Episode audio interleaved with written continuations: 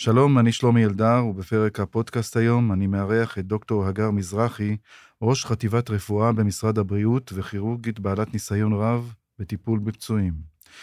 דוקטור מזרחי היא ראש הוועדה להערכת מצבם של החטופים, ועדת מומחים שחברים בה גם ראש המכון הלאומי לרפואה משפטית, דוקטור חן קוגל, ומנהל המרכז הרפואי שערי צדק, פרופסור עופר מרין, וגורמי מקצוע נוספים, צבא, רפואה, הלכה, רבנים וכולי. הוועדה הוקמה באופן תקדימי לצורך זיהוי גופות של אזרחים, אבל גם לתת מענה לחוסר הידיעה ואי-הוודאות שנמצאות בו משפחות החטופים והנעדרים. מיד מתחילים. הפודקאסט של שלומי אלדר, מבית אול אין, הבית של הפודקאסטים. שלום אגר. שלום, בוקר טוב. איך מקימים ועדה כזאת? אה, האמת שזה באמת אה, תהליך מאוד מורכב. זו השתלשלות של אירועים, אה, שבסופו של דבר נפלה החלטה על הקמה של ועדה לטובת הדבר הזה.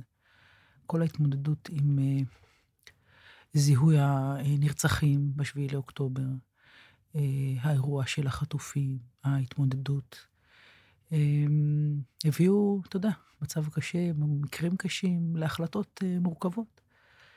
אה, הסיפור התחיל בזה שנתבקשתי על ידי הצבא, שרצה לבוא ולשוחח ולהסביר אה, למשפחות החטופים מה מצבם של חטופים כאלה או אחרים. להבנתי, בלא מעט מקרים זה הגיע מהמשפחות. השאלה היא, מה אתם חושבים? מה המצב שלו? כמו שכולנו יודעים, החמאס אה, הרבה לשתף ברשתות החברתיות, כן. בסרטונים. הם ראו את בני המשפחה שלהם. הם ראו סרטים, אני מניחה, גם אה, ממצלמות הקיבוצים בחלק מהמקרים. והם נחשפו לתמונות אה, לא פשוטות ומורכבות. כן. אני רק מנסה לחשוב באמת על המשפחות שראו את הסרטונים האלה, כי אפילו אנחנו, שאת יודעת, כאילו לא, מאוה, לא מאוהבים אישית בחטיפה, אני יכול להעיד על עצמי, לא הייתי מסוגל לראות את הסרטונים האלה, אז אני רק יכול לתאר לעצמי מה עבר עליהם. אני לגמרי לגמרי מסכימה איתך. בכל אחת מהוועדות זה אחד הדברים שאני חושבת עליו אה, עמוקות. אני חייבת להודות בעצמי שנמנעתי מלהסתכל בסרטים האלה במכוון. אה, לסרטים האלה, לדעתי, יש מחיר אה, נפשי שאתה משלם, ואני אמרתי לעצמי מההתחלה, מהרגע הראשון, וידעתי שיש רשתות, אני צרכנית אה, לא קטנה של טוויטר, ושם רואים הרבה דברים, אה, ו, ולא רק של טוויטר, אה, ונמנעתי, הפסקתי להסתכל. כדי לשמור על החוסן הנפשי, כן. כי, כי המשימות שיש למערכת הבריאות הן גדולות ורבות. ובכל פעם שאני צופה בסרטים היום, אה, כחלק מהתהליכים של הוועדה, זה מאוד מאוד קשה, זה גם דברים שנשארים. אני בטוחה שמי שצפה בזה אה, מסכים איתי לגמרי.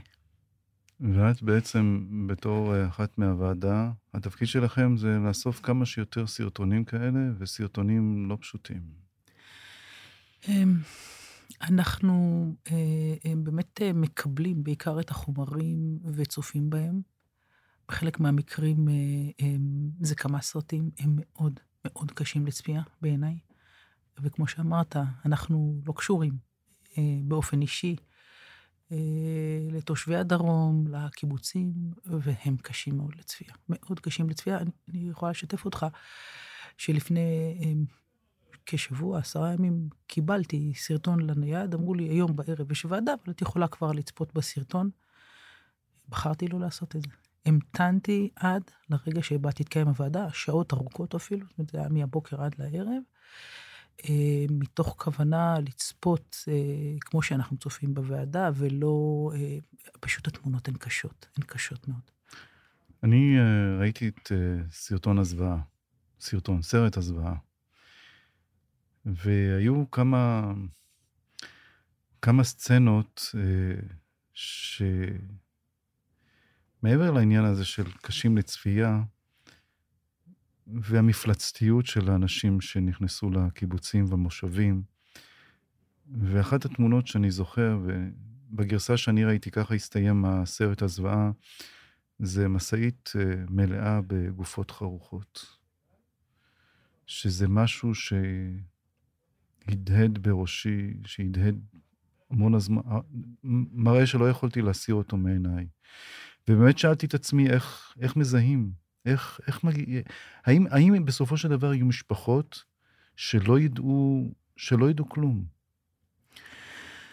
אמ, תהליך הזיהוי של הנרצחים הוא באמת אחד התהליכים המורכבים, הן ברמה הרפואית-מדעית, בבירור, אבל, אבל לא רק, גם ברמה האנושית, לאומית. המראות הם קשים.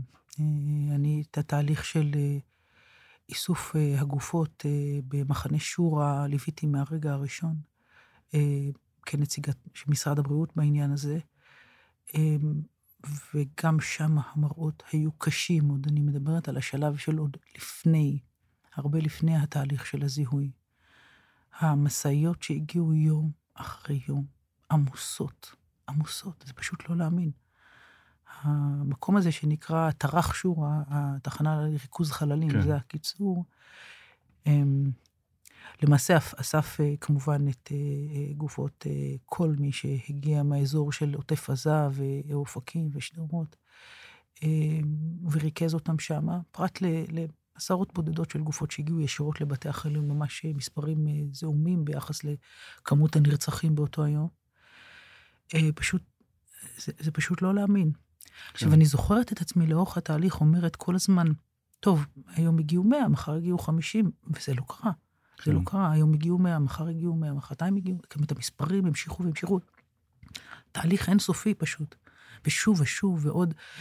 אמ, וככל שה, שהתהליך מתגבר, אתה גם מרגיש את העוצמה של הבאמת אה, מפלצתיות של האירוע הזה. כן. כי בהתחלה הביאו את מה שטריוויאלי, ואחר כך הביאו את השרופים, ואחר כך הביאו את החלקים של הגופות. זה פשוט... אמ, אז התהליך הוא באמת מאוד מאוד מורכב ומאוד קשה. אה, דיברנו לפני שנכנסנו לכאן, וסיפרתי לך ש... שאני אחרי סרט הזוועות הייתי אפילו בשידור ובכיתי בשידור, ואת אמרת לי, אני עוד לא בכיתי, ועכשיו אני רואה לחלוכית בעיניים שלך. נכון, אמרתי לך שזה יכול לקרות. אני מאוד משתדלת להחזיק את זה. אני עדיין לא, בסוף זה יבוא, אני יודעת שזה יבוא. כן היה לי אירוע דומה, אפרופו זיהוי, במכון לרפואה משפטית. המכון לרפואה משפטית, אה, שהזכרת אותו קודם, את אה, דוקטור חן קוגל, למעשה עוסק באותם מקרים שהזכרת, במקרים המאוד קשים, בגופות החרוכות. וכשאתה רואה CT, אני ראיתי CT לא מעט בחיי המקצועיים, כשאתה רואה CT של גופת מבוגר מחבקת ילד, אתה לא יכול שלא יופיע לך הלחלוכית הזאת. מצד שני, אתה עדיין מחזיק את עצמך. אמ, וזה קרה, יש יום שלם של כתבים זרים שהגיעו למכון כדי שנחשוף אותם לטובת הדבר כן. הזה, כי, כי בסוף העולם חייב לדעת, זה, זה פשוט אסור לנו שזה לא יקרה.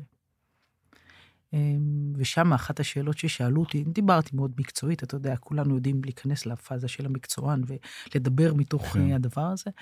ואז אחת הכתבות, דווקא בחורה מה, מהערוץ הרוסי, שאלה אותי, בסדר, אבל מה את חושבת כאזרחית? וזה המקום שבו כן. ככה הלכלוכית הופיעה. אמ, כן, זה, זה קורה, בסוף אנחנו בני אדם. אז כמו שאמרתי, אני הכינותי מראש את, ה... את הטישו לדמעות. כן, תודה.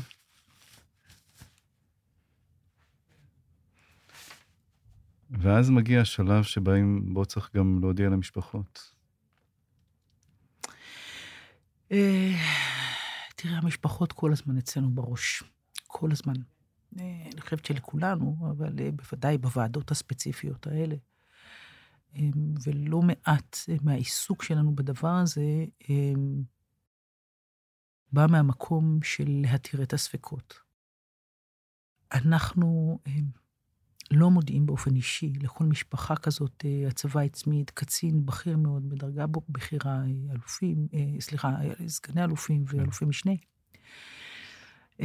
וצוות נוסף, ש... שזה המקצוע שלו, שלצערנו במדינתנו למודת המלחמות, הוא יודע כן. ומנוסה ויש לו תורה, אבל אני באופן אישי מדריכה בכל פעם שבאים לתאר את המקרים האלה, אה, את ההסבר לרופא בדרך כלל, ש... שילך ויסביר למשפחה מה ראינו, ולמה החלטנו מה שהחלטנו. התהליך בכלל בהתחלה באמת היה אה, בקשה של המשפחות כדי להבין. בהמשך אה, הבנו שנצטרך לעשות צעד נוסף, ובאמת אה, לקבוע בחלק מהמקרים אה, את מותם של אנשים. שזה מעבר לעניין המקצועי, אה, אה, שהוא אף פעם לא פש, דבר פשוט לקבוע כן. מוות. אה, זה, זה תהליך שהגענו אליו. וגם במקרים האלה אנחנו מדריכים. אני יודעת לומר שבהרבה מקרים המשפחות בוחרות לא לראות את הסרטים בעצמם, לפעמים חלק מהמשפחה מעדיף ובחלק הם רואים. וכשאתה לא רואה את הסרטון, אז נראה לי שההסבר המקצועי חשוב עוד יותר. זה, זה לא תהליך פשוט. אני מאמינה שגם המשפחות ש...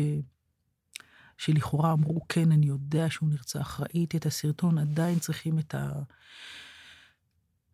את החותמת הזו, את האישור הזה, שגם אנשי מקצוע עושים את זה, אה, ואומרים את אותו הדבר, וזה איזשהו סוג של משהו שאנחנו מאוד רוצים לעזור להן איתו. כדי uh, לקבוע מוות, אז אתם משתמשים גם בסרטונים, אני מניח גם בדיקות פורנזיות באזור, באזור שבו נחטף uh, מי שאתם בוחנים, ויש גם מידע מודיעיני. זה הכל משתלב ל... לאיזושהי תמונה אחת שמתגבשת, נכון? תראה, בסך הכל העבודה שלנו זה צד אחד של כל התהליך. יש צדדים שמעורבים, אה, בוודאי מהצבא, אה, וגורמים של המשטרה שמעורבים בתוך התהליך. אנחנו נותנים את הצד שלנו, החומרים מוצגים בפנינו. כשיש חומרים פורנזיים, מבחינתנו, במרכאות, כן, אני אומרת את זה ממש בזהירות, התהליך יותר פשוט וקל. כשאתה יודע, והיה לנו מקרים שבהם אה, זוהו אה, חלקים של גופה, חלקים של איברים חיוניים, אה, אז, אז, אה, אז למעשה לא, לא לגמרי צריך בוועדה, בסופו של דבר. אה, כן. בסופו של דבר זה, זה מדעי, במרכאות, כמו קביעת מותו של אדם בכל סטנדרט אחר. הוועדה בסופו של דבר עוסקת באותם מקרים שבהם אין הוכחה חד משמעית, גושפנקה פורנזית מדעית, אלא עושה את זה רק על סמך דברים שהם אינם מדעיים גרידא, כמו למשל כן. סרטונים. אה, ולכן אנחנו אה, מתעסקים בדברים נסיבתיים יותר. ואנחנו באמת לוקחים תמונה מאוד רחבה של הדברים שמוצגים בפנינו, ועל סמך הדברים האלה מציגים החלטה כלשהי. בחלק מהמקרים אנחנו אומרים שאנחנו לא יכולים אה, לפסוק ברמה שלנו, ברמת אנשי המקצוע של אה, כרופאים. אה, אבל בחלק אחר אנחנו כמובן מקבלים ומזהים ומחליטים. כל סרטון כזה באמת נבחן פרק-פרק, מנתחים אותו, מגדילים, מחפשים את הפציעות. הם לוקחים בחשבון ש... שאנשים לא טיפלו, טופלו בהם כראוי. כן. אה, שלקח זמן עד אם בכלל הגיעו לבית חולים ועוד ועוד. שום דבר בעצם אבל לא הכין אותך בחיים המקצועיים שלך לדבר לא. כזה. לא, אני, אני חושבת שאף אחד... את למדת אה, רפואה איפה? למדתי, אני בוגרת בן גוריון. ואחר כך? אחר כך אה, אמ, חזרתי לצפון, אני תושבת הצפון, גרה במושב שקוראים לו עין העמק, ליד יוקנעם. חזרתי צפונה ועשיתי התמחות בכירורגיה כללית בבית חולים אה, העמק בעפולה. אה, מיד עם הסיום של ההתמחות שלי נסעתי לשנתיים פלושיפ אה, באנגליה עם המשפחה, וכשחזרתי, חזרתי לבית החולים, ואחר כך התקדמתי לבית חולים אחר באזור, לפוריה, היום נקרא מרכז רפואי צפון. שם למעשה בצורה כזאת או אחרת עזבתי את המקצוע הכירורגי פרסה, והפכתי אה, למנהלת, בהתחלה סגנית מנהלת, ניהלתי את בית החולים לתקופה מסוימת, וכך התגלגלתי לתפקיד הזה שאני נמצאת בו היום. וכמו שאמרתי, שום דבר לא הכין אותך לזה, כי חשבתם במהלך התהליך הזה גם לקבל טיפול פסיכולוגי? אמ, התשובה היא כן.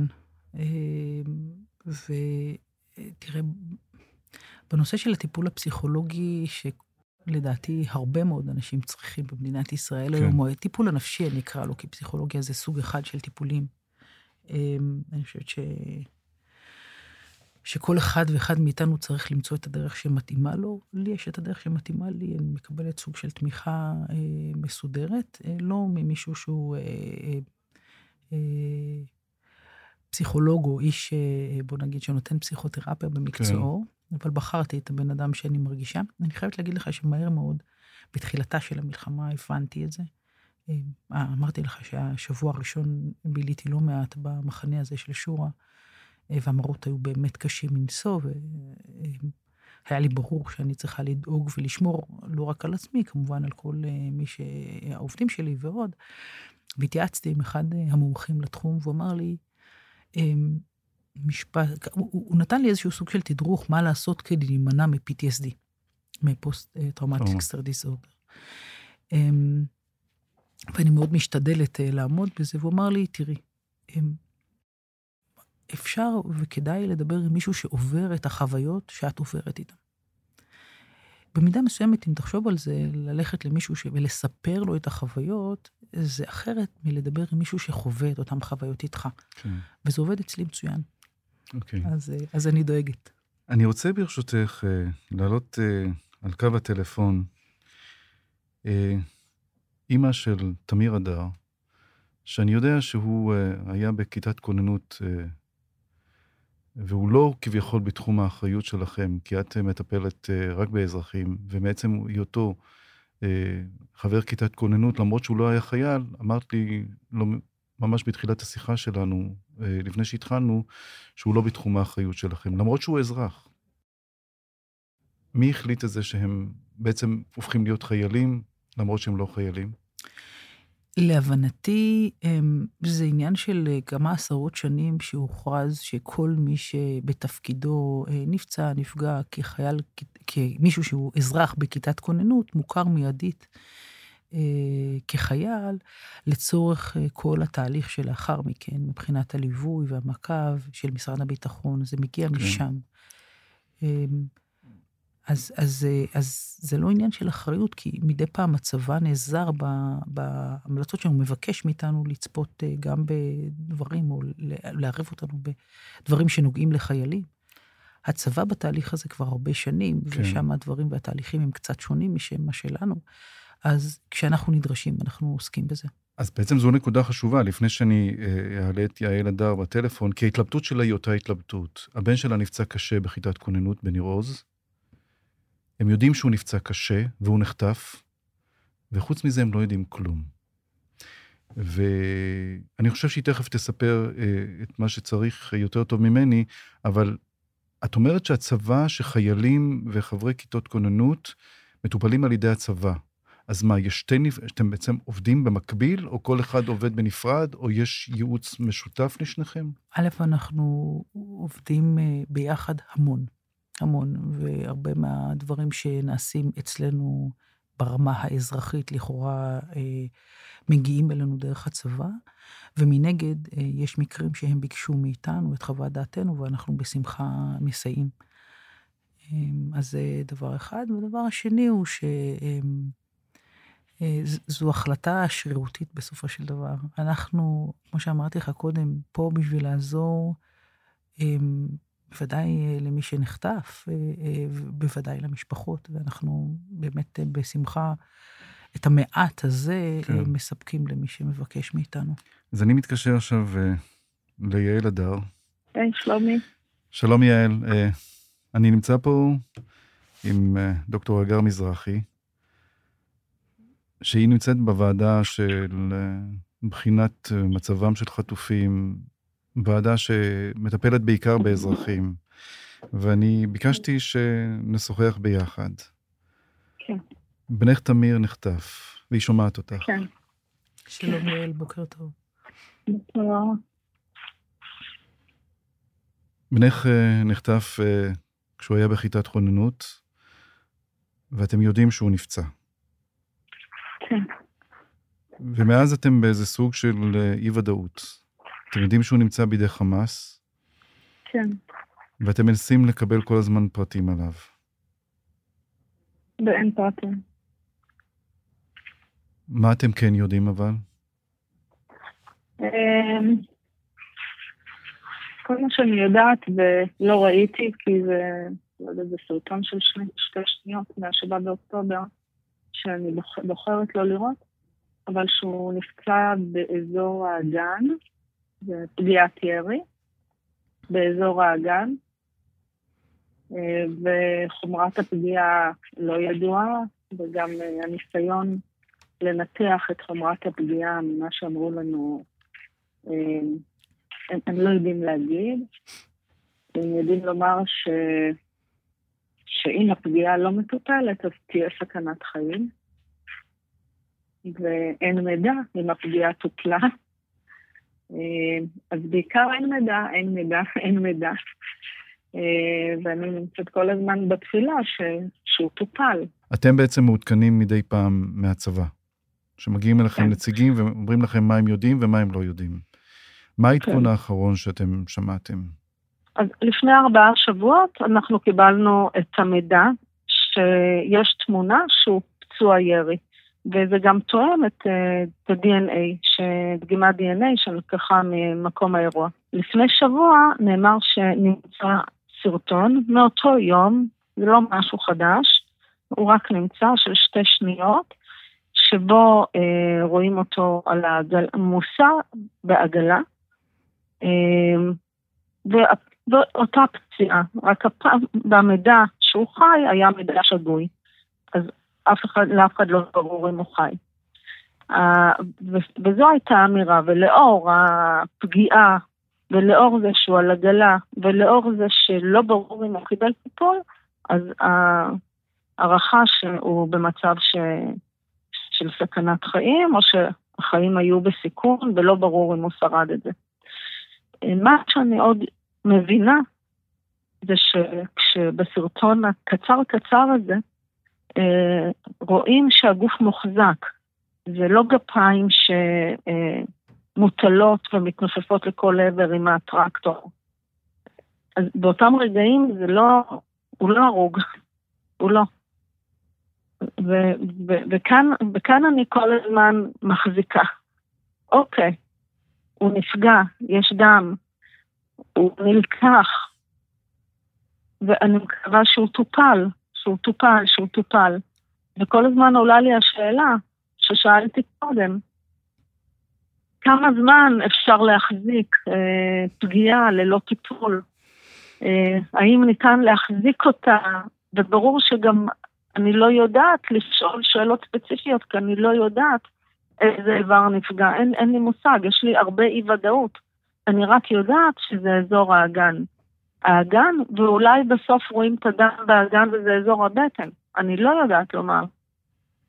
לא יודעת, אבל זה האזור הזה, ואת, החלק הזה של הגוף.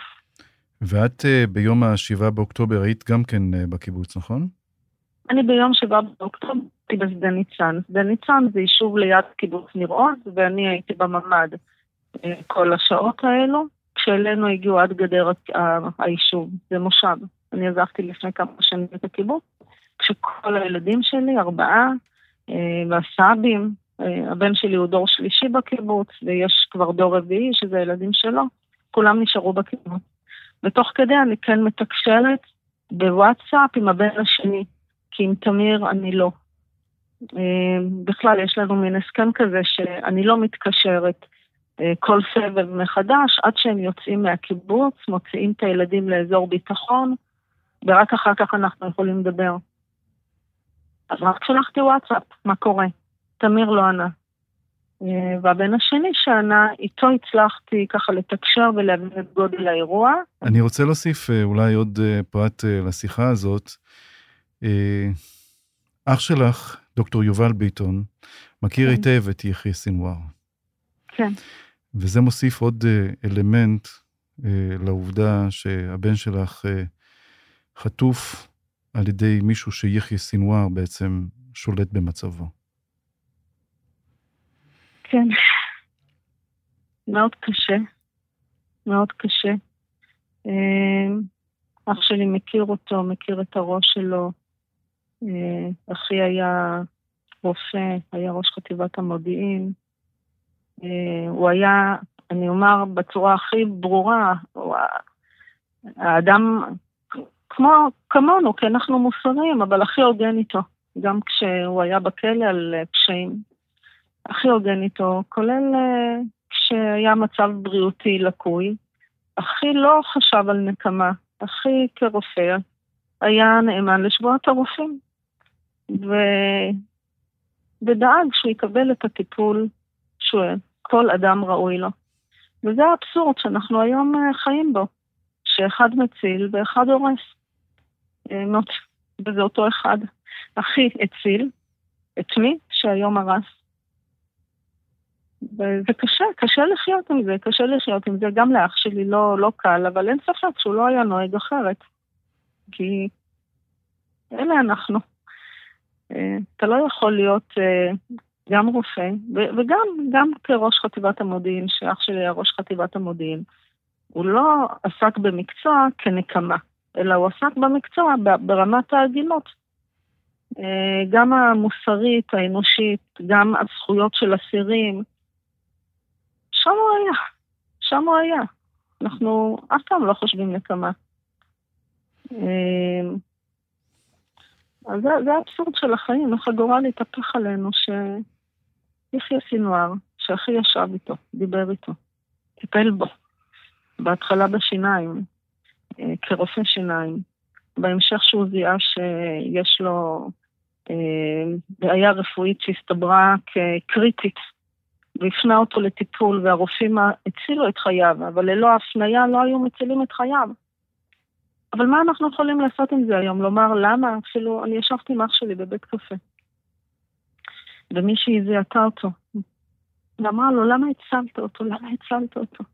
מה, מה, מה את רוצה ש... מה? אנחנו עובדים בשירות בתי הסוהר כדי להרוג? לא, אנחנו עובדים לעשות את העבודה שאנחנו מאמינים שהיא נכונה, תחת ערכים ותחת מוסר. אבל uh, אנחנו חיים בפרדוקס הזה. כן.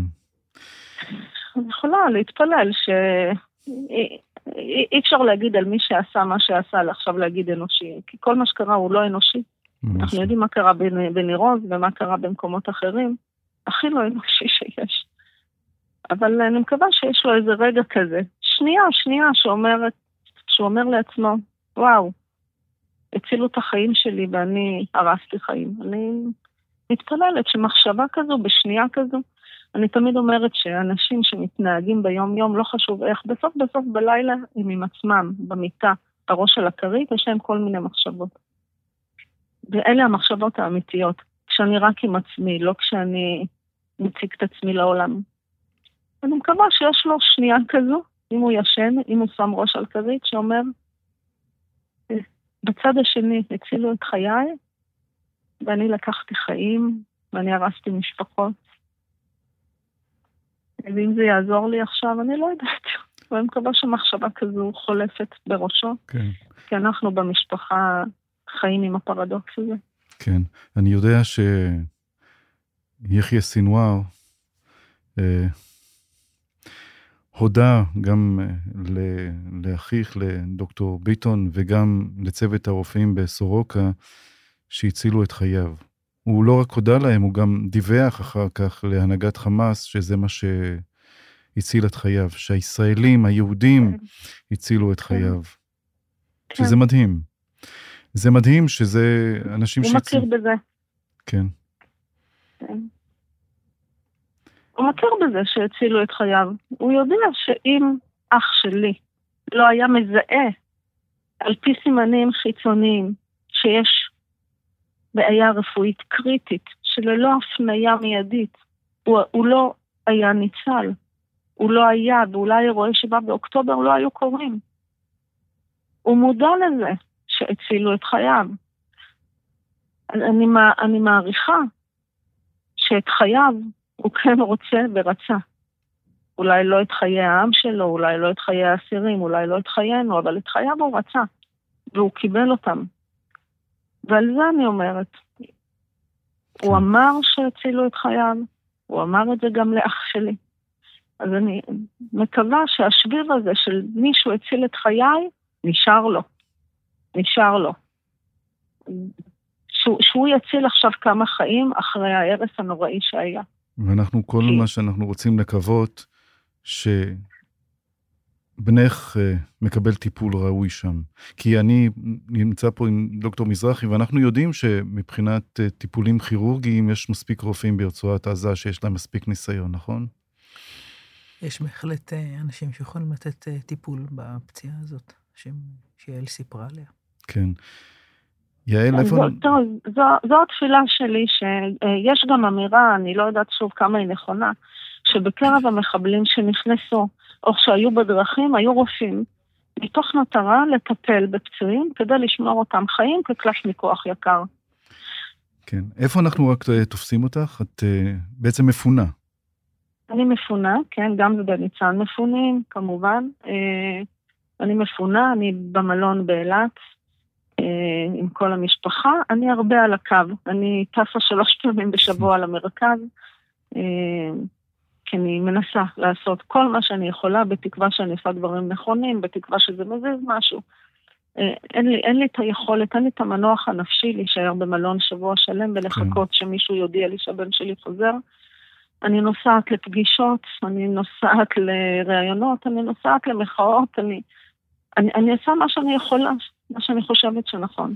אז אני כל הזמן על הקו, וברגעים האלה אני באילת, את הסוף שבוע אני אהיה עם המשפחה, ובשבת שוב למרכז. ואני כל שבוע מתפללת שבשבוע הבא תמיר כבר יהיה פה, ולא יהיה צריך, ולא לתכנן הרבה קדימה. אבל היום כבר היום ה-76. כן. מטורף, מטורף. מטורף. יעל, אנחנו... אני כל כך מודה לך שדיברת איתנו. ואנחנו ממש מתפללים איתך שתמיר יחזור הביתה בשלום.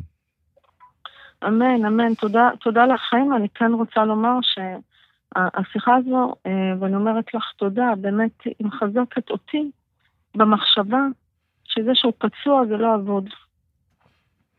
שזה לא אבוד כי uh, המידע שלי uh, נאמר, כלומר, השאירו אותי בתחושה קשה, ש... אם הוא פצ...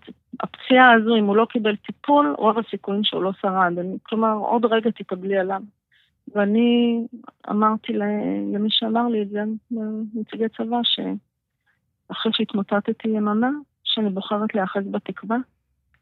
אני בוחרת להתפלל ולהאמין ולרצות ולקוות שהוא קיבל טיפול, ועם הטיפול הזה הוא יחזור אלינו ונמשיך את הטיפול פה.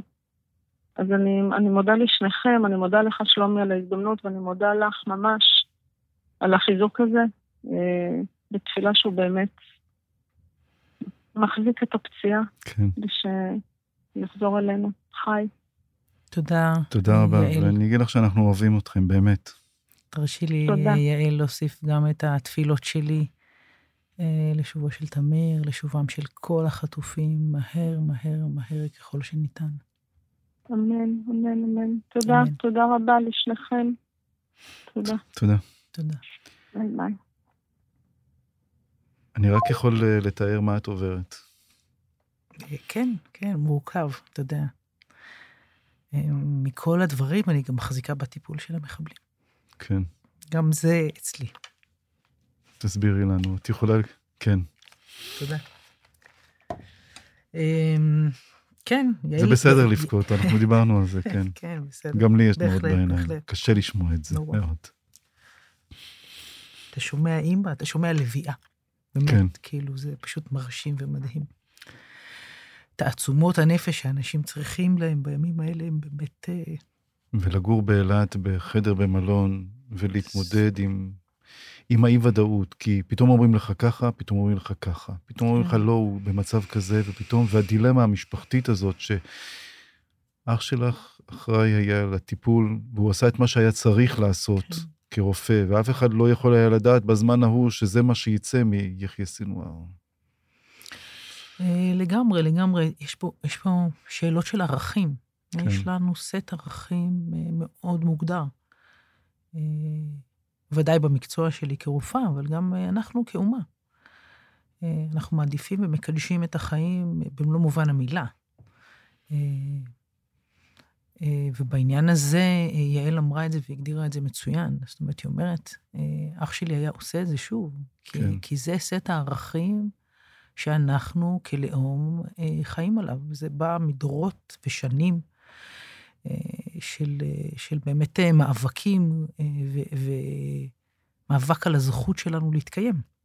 שזה מה שכולנו ראינו בשביעי לעשירי, זה מאבק כן. על הזכות שלנו להתקיים. נכון.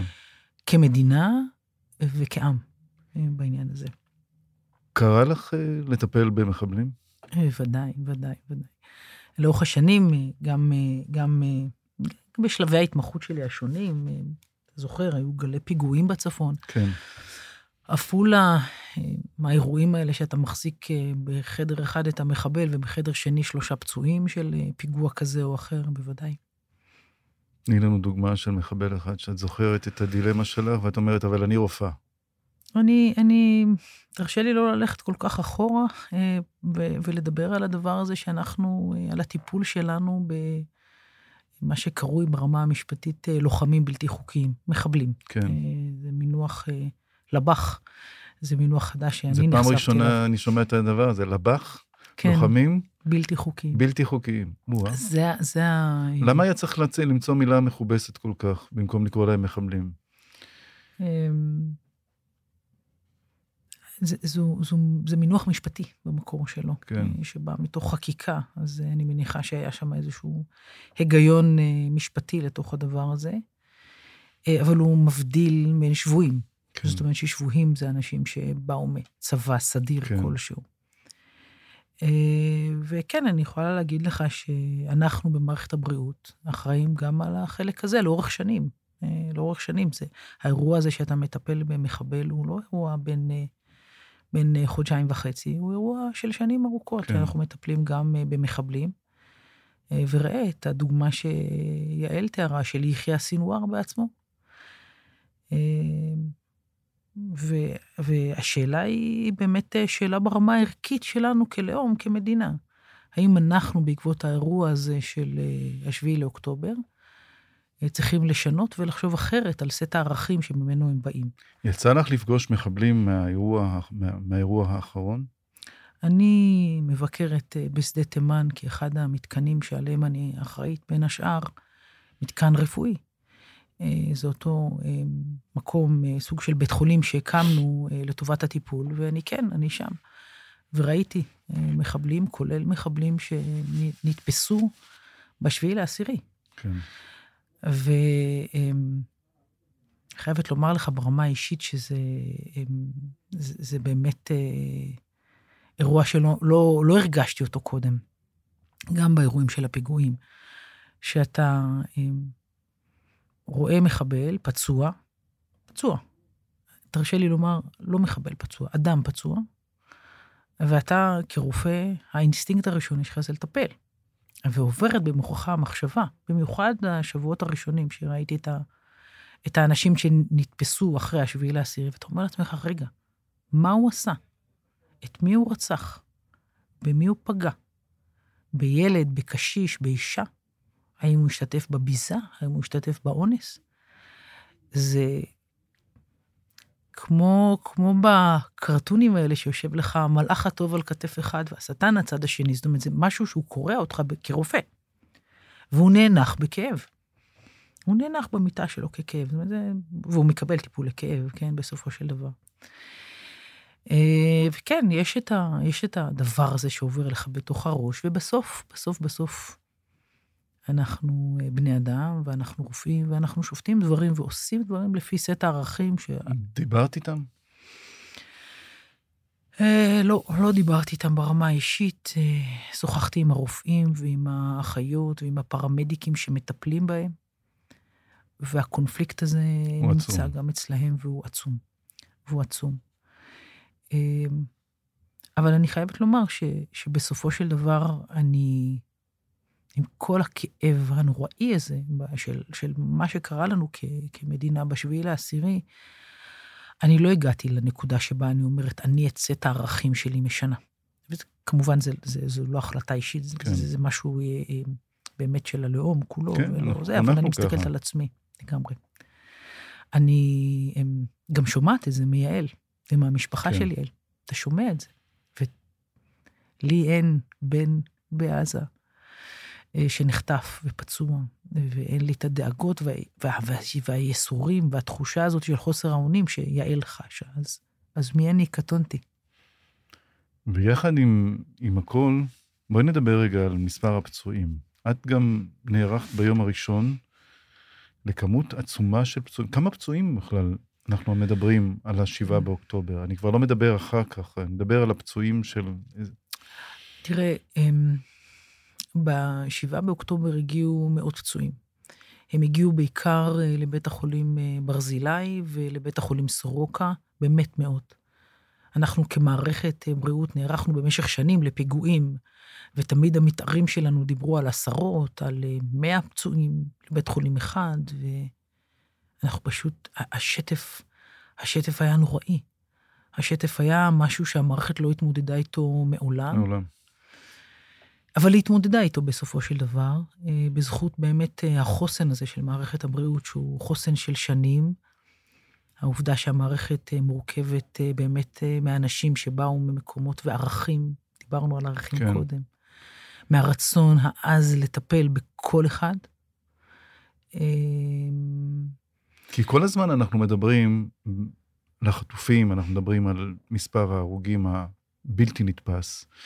ונדמה לי שלרגע, בגלל שאנחנו מתמקדים בנושאים מסוימים, שכחנו לרגע שיש אה, מאות, או אולי אפילו יותר ממאות פצועים בדרגות שונות.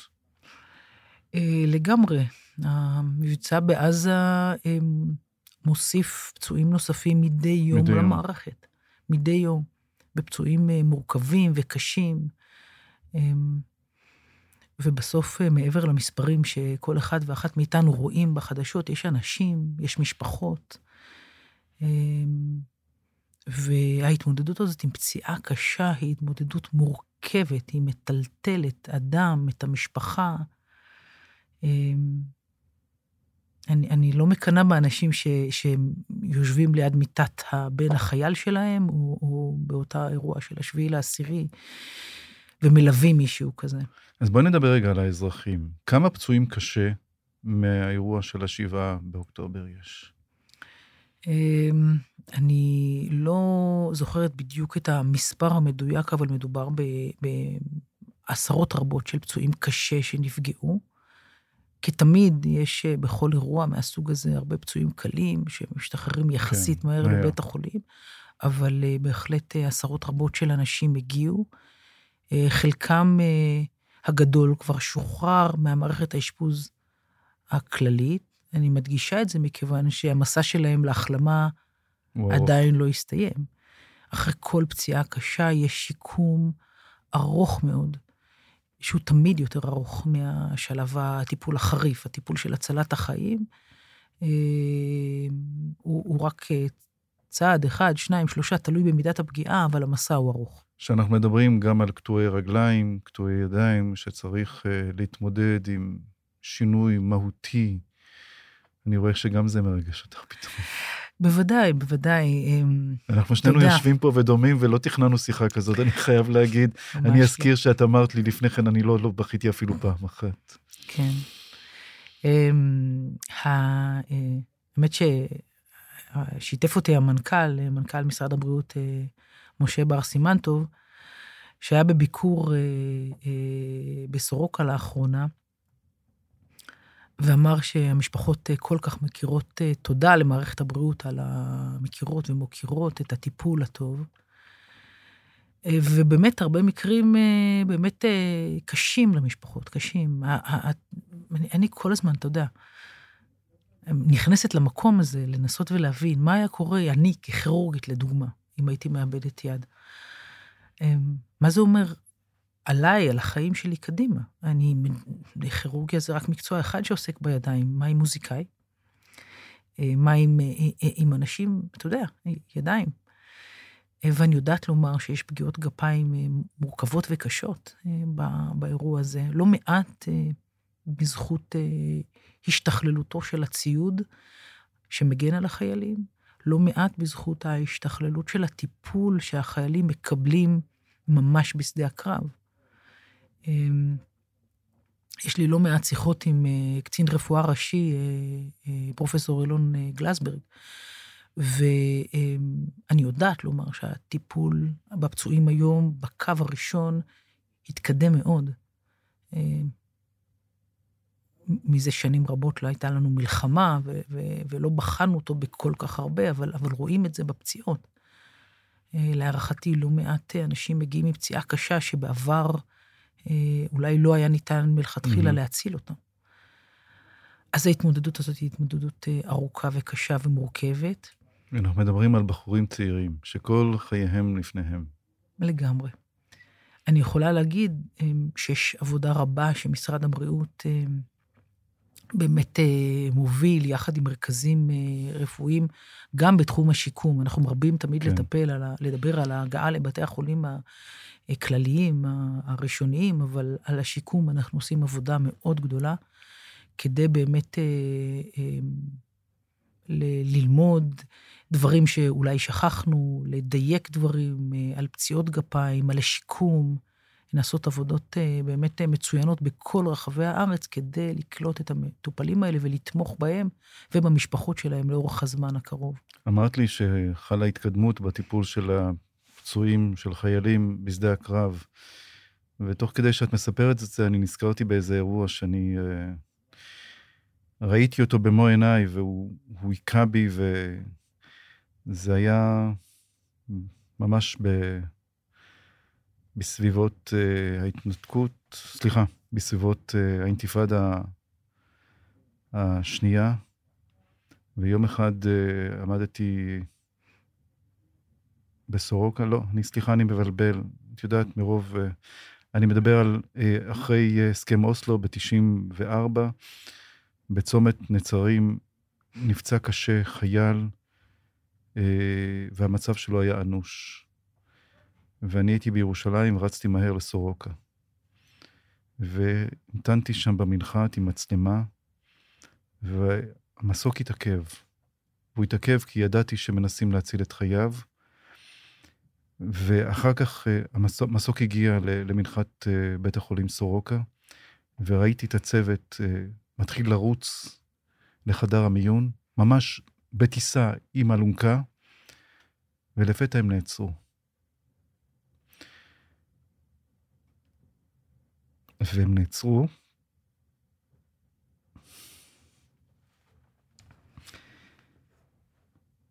והבנתי שהחייל מת. אפילו אחרי כל כך הרבה שנים זה משפיע עליי. ואני זוכר שאז הרמתי, הרמתי טלפון אה, למי שהיה מנהל החדשות בערוץ, דוד גלבוע, ואמרתי לו, אני פורש, אני לא מסוגל לעמוד בזה.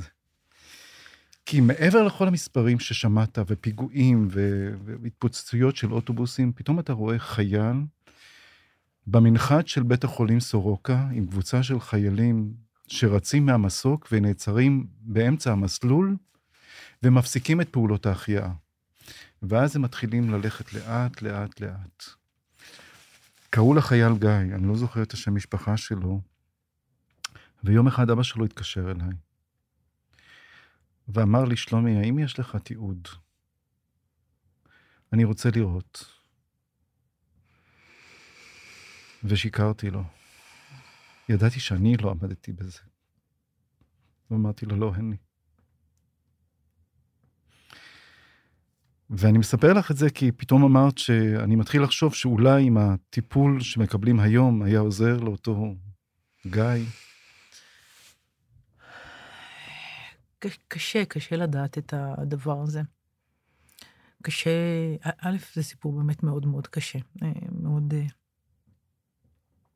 לא פשוט, אה, בוודאי, אני, אתה יודע, חושבים על גיא, חושבים על אבא של גיא, אני חושבת על הצוות הרפואי. כן. בין אם הצוות שהביא אותו והתאמץ כל כך בדרך, בין אם צוות בית החולים. כי הוא הגיע, הוא הגיע עד בית החולים בחיים.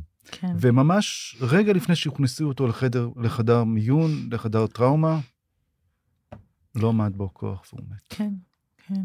אה, זה, אתה יודע, אז זה קורה, זה קורה בהרבה מקומות, להרבה רופאים, להרבה אה, אנשי צוות, ו, ו, ויותר חשוב מזה, זה קורה גם אה, למשפחות ו, וחיילים או אזרחים שנפגעים. זה, זה, זה אירוע שקשה להתמודד איתו כרופא, אבל בסוף אתה, אתה כל הזמן אה, מתרכז, זוכר, אני לא יודעת, זה המוח האנושי שמתעתע בך, שאתה זוכר את ההצלחות. כן. אמ, אתה זוכר גם את הכישלונות. בוא, אני... זה... אתה מדחיק אותם? כן. דוקטור מזרחי, אנחנו ממש לפני סיום, ולא תכננו שנינו שיחה כל כך uh, טעונה ודומעת. באמת, דיברנו לפני כן. לגמרי, לגמרי. אבל אני אני לא... כירורגית, זה לא מקובל לבכות ככירורג. לא, ואני רוצה להגיד לך שאני, בהרבה פעמים אני אמרתי לאנשים שדיברו איתי שאני הפסקתי להתבייש בזה שאני דומע או בוכה.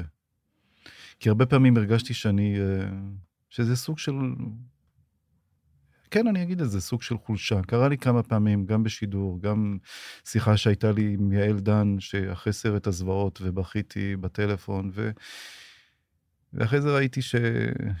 שאני לא, שאני לא היחיד, ש... שזה בסדר. אז, אז אני אגיד לך, אה, א', אמרתי, אמרתי קודם, כירורגים לכאורה לא בוכים, אנחנו אמורים להיות אנשים נורא חזקים, חסונים, ובאמת, אה, אה, אני חשוב לי לציין שכש... אני, אני מתגעגעת לכירורגיה, ואני זוכרת את עצמי שברגעים שאתה צריך להיות שם, ואתה צריך לעשות מה שאני צריכה לעשות בכירורגיה, לפתוח את הבטן ולהציל חיי אדם אה, מדימום, או, או מה שלא צריך לעשות, אז אתה מצליח להתנתק בין הרגש למקצוע. אבל אני כל הזמן, לאורך כל הדרך, אה, זכרתי וזוכרת את העובדה שבסוף כדי להיות אה, רופא טוב, אתה צריך אה, לא לשכוח את האדם שבך. כן. אז אולי אני אומרת את זה לך בתור, במקצוע שלך, אבל במקצוע שלי אני הגדרתי את זה כבר הרבה שנים, יש לי חברה טובה מאוד, באמת, חברת נפש שהיא במקצוע של האורתופדית. וסיכמנו מזמן, מזמן, עוד בתקופת הסטאז' לפני הרבה מאוד שנים, שברגע שנאבד את זה, את העובדה שאנחנו בני אדם, ושנסתכל על המקצוע שלנו כרופאים, כרופאות במקרה הזה, בצורה מכנית, כזו שמנתקת את הרגש בעניין הזה, או מנתקת את החמלה. כן. שזה בשבילי, נכון. בשבילי הדמעות האלה הם סוג של חמלה. זה, זה חמלה למטופלים, וחמלה למשפחות, וחמלה לצוותים הרפואיים. אז באותו הרגע צריך לקום וללכת. מי אנחנו נכון. כאנשי מקצוע אם לא תהיה לנו חמלה. אני, uh, ברגע של וידוי, אני יכול לספר לך שפעם uh, קובי מידן ראיין אותי פעם, אחרי שהסרט שלי ארץ זרה יצא, ותוך כדי הרעיון הוא זרק לי, שהוא פסיכולוג אה, במקצועו, קובי מידן, הוא אמר לי, אתה פוסט-טראומטי. ואני צחקתי, לא חשבתי על זה אף פעם. ויכול להיות שכן, כן, אתם במסע העיתונאי שלי, בתקופות של האינתיפאדה הראשונה, האינתיפאדה השנייה של עזה והכול, וגם הסיפור שסיפרתי לך עכשיו, שאני נושא אותו כבר הרבה שנים ולא סיפרתי אותו, אני חושב, אף פעם.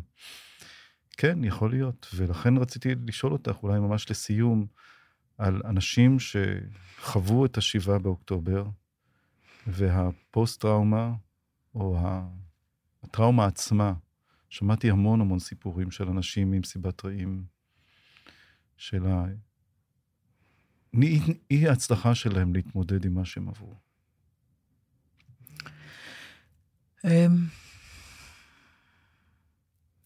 אני לא, אני לא מופתעת בכלל. האירוע הזה של אה, המסיבה הזו אמ, פוגש את האנשים שהלכו עם החברים הטובים שלהם, שחוו אירוע שהוא הוא, הוא, הוא בלתי נתפס. הוא, הוא לא נתפס הוא לא גם לא נתפס, היום כן. למי שעמד מרחוק, למי שלא הבין אותו. אני אומרת לך, האירוע הזה של הגעת המתים שם בשורה היה בלתי, בלתי נתפס. אז אני מדמיינת אותם בתוך המסיבה הזו, שמצליחים להינצל עם אשמת הניצול ש, שהם נושאים. וזה רק אחד מתוך עשרות ומאות אנשים שחוו את היום הזה, ואני אומרת לך, אנחנו מדינה ב, ב, ש, מדינה בטראומה. כן. והשאלה אם נפתח פוסט-טראומה, כן או לא, היא שאלה שלוקחת זמן, ו, ו, וכן, אנחנו צריכים לדאוג לעצמנו, כל אחד. אה, מערכת הבריאות עושה מאמצים גדולים אה, אה, בעניין הזה, בלהרחיב את השירותים של בריאות הנפש. דוקטור גלעד בודנהיימר אה, ראש האגף לבריאות הנפש, אה, גבי פרץ, הפסיכולוג הראשי, יעל גור, העובדת הסוציאלית הראשית, כן. ועוד רבים אנשים בתוך משרד הבריאות שעובדים על זה. אה, כן, מדינה בפוסט-טראומה. אז אני רוצה להקשות עלייך עוד קצת. העדויות על אונס, האם הן מתבטאות גם בגופות שנבחנות במכון לרפואה משפטית, בעדויות שאתם מקבלים? אני אומר לך משהו.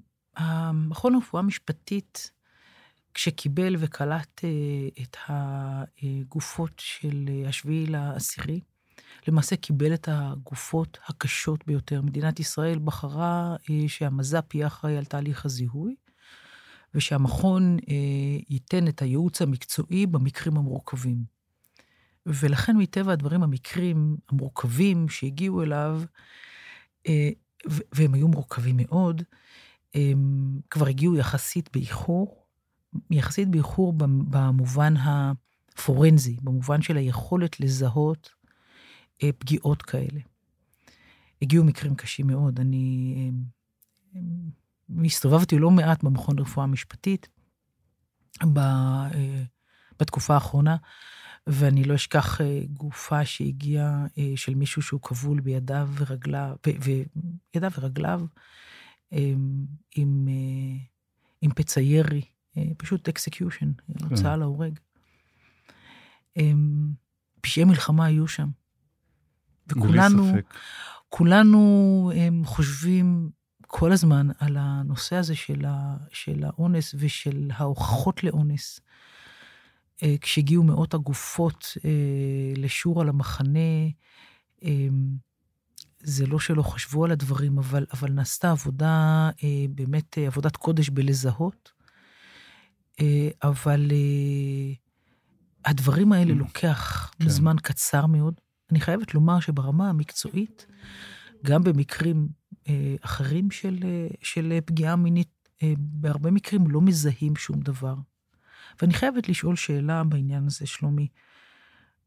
אם מה שאתה, שצפית בסרט הזוועות, אה, וראית מה החמאס עשה בשביעי לעשירי, אתה באמת חושב שצריך הוכחות מדעיות פורנזיות? לא, אה, לא, אני אגיד לך, אה, אני אגיד לך דילמה שאני דיברתי עם הרבה פלסטינים. לקח לי, דרך אגב, אני גם סיפרתי את זה, לקח לי המון זמן לרצות בכלל לדבר איתם, כי למרות שיש לי המון חברים שם מהתקופה שעבדתי בעזה. ודבר אחד לא היה ברור לי, אני חושב שדיברתי עם זה בשיחה שהייתה לי כאן עם לוסי אריש, שהרבה פלסטינים וגם מוסלמים, ערבים מוסלמים מישראל, שאמרו, אנחנו מאמינים שהיה רצח. אנחנו מאמינים שהייתה שריפת תינוקות. אנחנו מאמינים שהיה execution שהוציאו להורג. קשה לנו להאמין על אונס. כי זה משהו שהוא נתפס בעיניהם כמשהו שהוא לא, לא ברור. אני לא רוצה להגיד לא מוסרי, כי כמובן לא מוסרי גם להרוג. והם מסרבים להאמין כי זה סוג של הדחקה. ו, ויש לי חבר בעזה שאומר לי, אין לכם הוכחות על אונס, תראו לי ואנחנו נאמין. כי, כי הכל אנחנו מאמינים, כי הכל מאמינים, כי יש תמונות של גופות. למה אתם אומרים אונס? כי אונס זה סוג של... אני אומר מה שהם אומרים, זה כמו... שכאילו אתם מנסים להשפיל אותנו, להגדיל עוד יותר. ולכן אני אומר שאולי כן היה צריך. את יודעת מה? לארגוני הנשים בעולם, הנה היה אונס. אני ראיתי סרטון אונס. אני לא רציתי לראות סרטון, אני לא רציתי לראות סרטונים בכלל. יום אחד הגיע אליי מישהו להתקין אצלי מקלחון בבית, ממש בתחילת המלחמה, ו... וסיפר לי שמוחמד דף, עבד אצל אבא שלו בקונדיטוריה באשדוד, כשעוד היה פועל שהיה בא, וזה כאילו הדהים אותי. הוא אמר, הוא היה בן 17, הוא בא לעבוד אצל אבא שלי. אגב, זה רגיל, גם אסמאעיל הנייה עבד בתור טייח בבאר שבע. ואז הוא אמר לי, אני חייב להראות לך משהו. ועוד לפני שהספקתי להגיד, איך להגיד ג'ק רובינסון, הוא הראה לי סרטון שבאמצע הפסקתי אותו, אבל כן ראיתי. ואני, את שואלת אותי שאלה, האם היה צריך אה, אה, להוכיח? אני מבין שבאותו רגע לא חשבתם על זה, אבל אולי בדיעבד כן. זה לא עניין שלא חשבנו, זה עניין של... אה, שההוכחות לאונס מתקיימות ל, לימים בודדים. לאחר האירוע. זה לא כן. עניין שלא חשבנו. המכון לרפואה משפטית, בין השאר, עוסק בתיעוד של פשעי מלחמה. כי גלעד ארדן אה, אמר אז באו"ם שיש עדויות של נשים שנאנסו עד כדי כך שנשבר האגן שלהם, שזה... רק לחשוב על המחשבה הזאת זה מחריד. כן. אני אמ, כן יודעת שבאמת, אמרתי לך מההתחלה שאני לא צפיתי בסרטונים, אבל, אבל אה, אני כן יודעת שיש סרטונים שמוכיחים את זה. אינני יודעת אם בסרט אה, של הזוועות הערוך יש, אבל אמ, אני מבינה את הרצון להוכיח. אני אומרת שממילא הוכחות פורנזיות, אני מדברת ברמה המקצועיות, קשה, קשה לספק אה, בגלל הכמות העצומה שהגיעה. ואני חייבת לומר אה, דבר נוסף, שגם הוא בתחום אה, העיסוק של אלימות מינית והתמודדות איתה, אמ, זה שהרבה פעמים נשים שנאנסו לא מספרות את זה. כן. לא מספרות את זה שנים, גם גברים דרך אגב, לא מספרים את זה שנים אחרי שהאירוע קרה. אז הדבר הזה יכול להיות שאנחנו נגלה מתישהו בניצולות המסיבה, או בניצולות, או בניצולים במקומות אחרים, שיבואו ויגידו, כן, אני רוצה עכשיו לשתף. יש כל כך הרבה סיבות שאנשים שניצלו מהאירוע הזה של השביעי לעשירי לא משתפים. כרגע, בשלב הזה, הרצון שלהם להגן על הסובבים אותם, הרצון שלהם להתמודד עם הדברים בעצמם, ועוד ועוד. אה, יכול מאוד להיות שבסוף נשמע את העדויות. אני יודעת לומר שהיו לפחות אה, מספר אנשים שסיפרו שניסו לאנוס אותם במסיבה, אבל הם הצליחו לנוס על נפשם וניצלו. אני מאמינה שהסרטונים ש... או אחד הסרטונים שאתה צפית בהם, הם לא סתם, הם בוודאי לא מבוימים, בוודאי, בוודאי לא מעלה על דעתי. אי אפשר לביים דבר כזה, ממש לא. לגמרי, ופשוט רצחו אותם אחר כך. כן. זה, זה העניין. את מטפלת גם בחטופים שחוזרים. יש עדויות של אונס בשבי? אה, אני אומר מאוד מאוד בכללי שיש עדויות אה, לאלימות מינית. הנושא הזה של אלימות מינית הוא רגיש מאוד. לכולנו. לכולנו. אבל אני בסוף בתפקידי אמרתי לך, חושבת תמיד על המטופלים, כן. ואני מבקשת ממך לא, לא לפרט, כי... אנחנו לא כי... לא נפרט. אין, בסוף אני לא רוצה לפגוע ולו במטופל או מטופלת אחת שיאזינו לשידור שלנו, לשיחה הזו, ויגידו, כן, מישהו אמר ושיתף במה שאני עברתי. לא רוצה שזה יקרה. די לו במה שהוא עבר. דוקטור אגר מזרחי, את יודעת, אה, להרבה אנשים אנחנו נוהגים להגיד היום גיבורים. גם את גיבורה, באמת.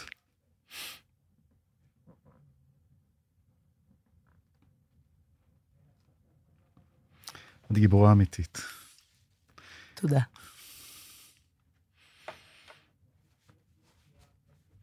ותודה שבאת אלינו, ובאמת זאת הייתה שיחה מאוד חשובה. ואם הקשיתי עלייך, אז אני ממש מתנצל. זה בסדר, זה הדדי, אני רואה. נסיים באיזה משהו אופטימי? הרבה פעמים מבקשים ממני משהו אופטימי. אני אשמח מאוד.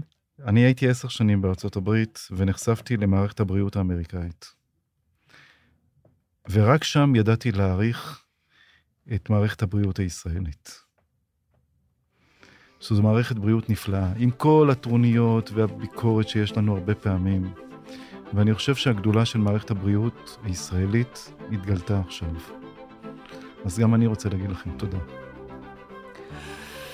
אה, כן, מערכת הבריאות, אתה יודע, זו מין מילה נורא טכנית, אבל בסוף מערכת הבריאות זה אנשים.